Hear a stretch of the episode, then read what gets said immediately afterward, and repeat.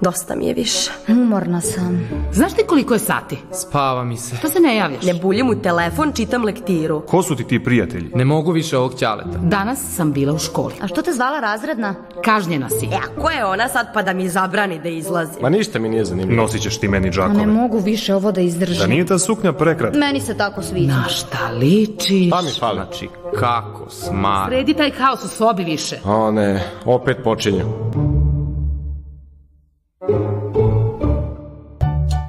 Da li nas i koliko izgled definiše u društvu? Kakve poruke svojim izgledom šaljamo široj okolini? Pa da upoznamo i učesnike današnje debate i saznamo kakvi su njihovi stavovi.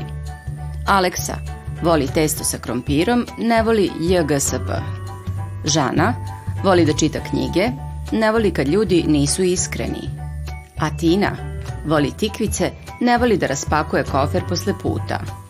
Selena voli da crta, ne voli kad neko pametuje. Kažu, odelo ne čini čoveka. Ili nemojte suditi knjigu po koricama. Ali da li je to baš tako? Moramo priznati da prva stvar kada vidimo nekog je da primetimo kako izgleda. I da hteli mi to ili ne, stvorimo neku sliku o njemu baš na osnovu tog izgleda. Ali da li nas on potpuno definiše ili ima još nekih stvari koje su bitne za naš karakter? Ne znate. Mislim da je vreme da mi to izdebatujemo i da vidimo koliko nas izgled definiše. Koliko nas definiše? A, mislim da nas na prvu loptu izgled dosta definiše. Jer mi čim vidimo nekog, mi, će- mi možda ne znamo ništa o njima, ali mi samo vidimo kako oni izgledaju i mi ćemo onda na osnovu toga a, krenuti u glavi kao da stvaramo neke predrasude samo na osnovu toga kako osoba izgleda. Uh Zato što- Kakve predrasude, na primjer? Pa, evo, na primjer, ako vidim nekoga da je, ne znam, ofarban ili istetoviran, ja ću misliti da on ima ovako neko slobodnije mišljenja. Ili ako mi je neko skromniji, mislit ću da je konzervativniji što se tiče nekih stvari, na primjer. Samo znači na prvu loptu. Na prvu loptu, da. To često jeste na prvu loptu, ali nekada može i zapravo da pokaže nešto više o osobi. Makar ja verujem da je tako.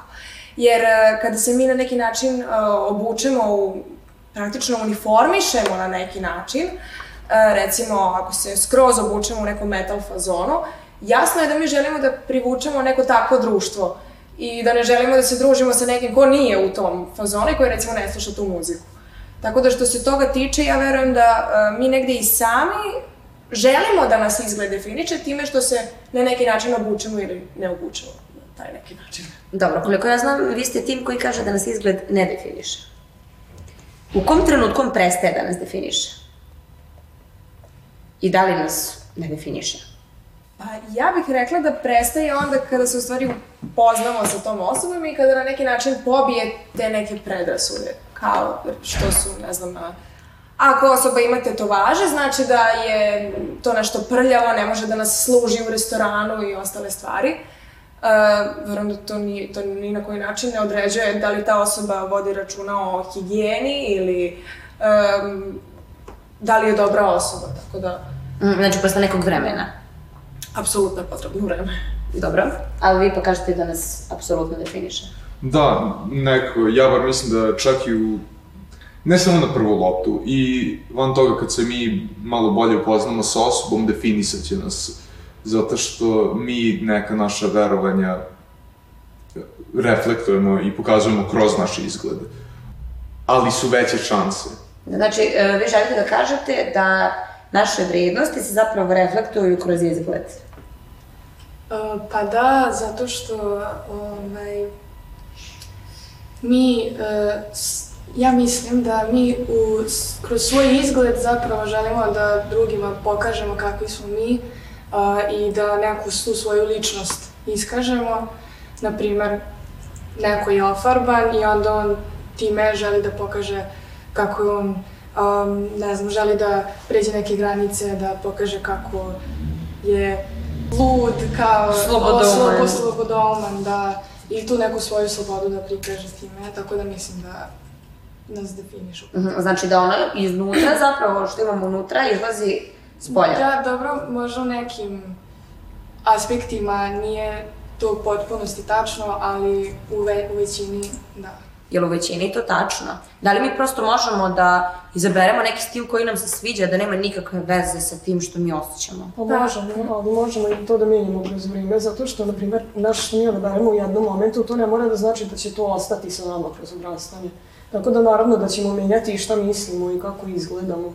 Tako da mislim da ne bi trebalo da nas definiše to kako izgledamo. Ja bih dodala dve stvari.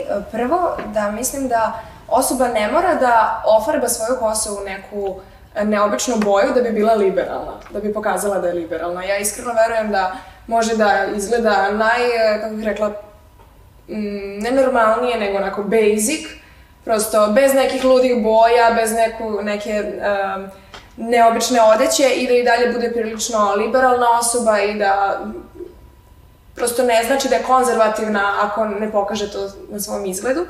I druga stvar, um, ja sam od recimo petog razreda prošla jedno šest faza različitih oblačenja, od uh, one emo faze do uh, nekih ono dugih babskih suknji i hipi faze i svih mogućih faza ikada. Ne bih li se našla, pa ni sad se nisam našla potpuno kako kad prosto biram odeću za situaciju u, kojoj, u društvo koje idem, tako se i obučem. I mislim da to ovaj, je promenljivo, a da se ja suštinski nisam promenila kao osoba i neke moje vrednosti se nisu promenile uprkos svim tim različitim fazama oblačenja.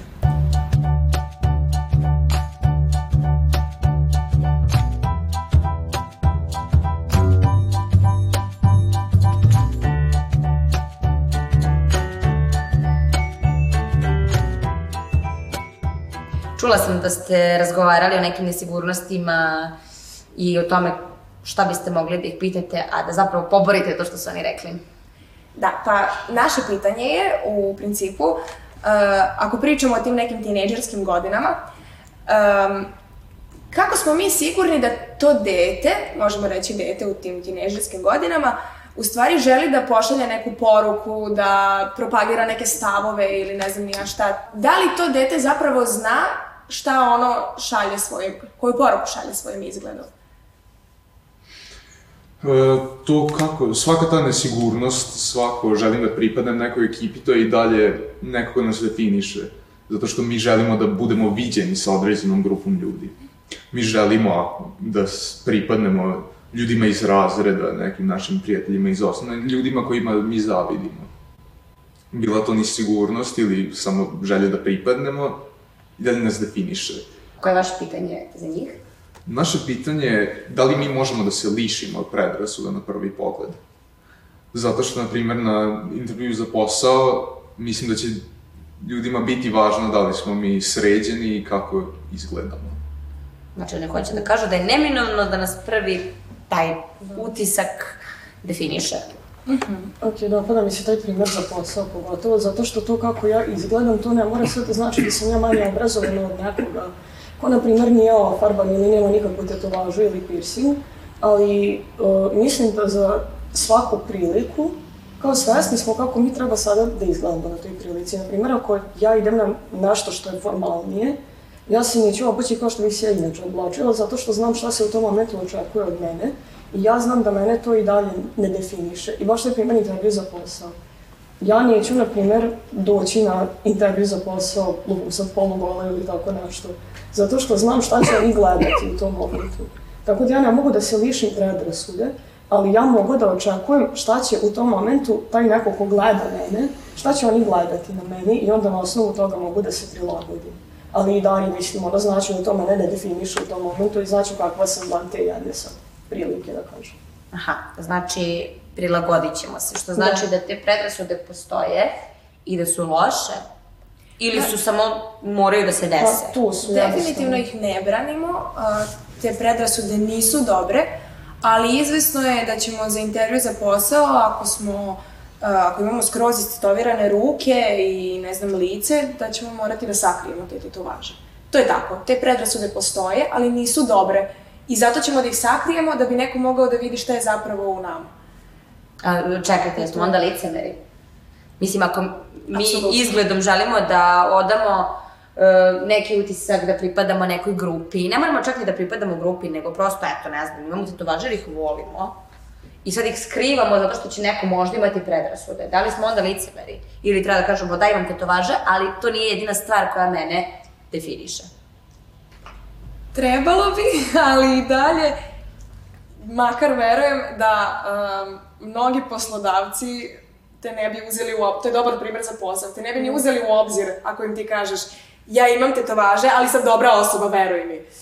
Mislim da taj neko mora da ima iskustva sa tobom da bi znao kakva si ti osoba u stvari i onda ovaj, to što ćemo mi da im kažemo, veruj mi, pametan sam i dobar sam radnik, neće puno značiti. Čini mi se da ste vi kritički posmatrali e, taj prvi utisak koji mi e, odamo kod nekog i da onda se stvaraju te predrasude, je li tako? Da. I da je, da će se desiti, mislim, ja kad vas vidim, u mojoj glavi se stvori neka slika jer tako funkcioniše mozak. I od toga treba da se rešimo i na koji način protiv toga da se borimo, ako ne želimo da to bude tako. Ako baš hoćemo našim radom da dokažemo da smo mi u tom poslu dobri, što nas neko ne bi uzeo zbog, ne znam, zelene kose. E, Mislim da, s obzirom da bi to bilo vrlo pojedinačno, mi ne možemo, ne treba da se lišimo toga.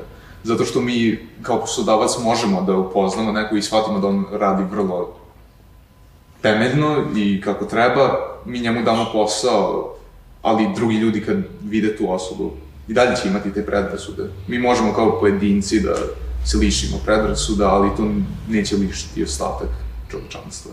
Koji je to period u toku odrastanja kada se najviše tražimo i zašto je to baš taj period? Šta se tu onda dešava kod nas, pa mi se moramo da budemo drugačiji? Pa ja mislim da možda najviše ono na početku srednje škole, kad a, tek krenemo u srednju školu, upoznamo nove ljude, a, gledamo ko je kakav, ko je kakva grupa a, i sa kim zapravo želimo da provedemo to vrijeme i onda a, se menjamo u skladu sa tim ljudima i onda vremenom shvatimo šta nam odgovara, šta nam ne odgovara i onda sad kako se bližimo kraju, shvatili smo šta zapravo želimo i sa kakvim ljudima želimo da provodimo svoje vrijeme. Svašta smo mi tu sad izrekli i mislim da je vreme da dođemo do jednog zaključka. Koliko nas definiše, koliko ne i kada nas zapravo definiše. Kada nas izgled definiše više, a kada manje.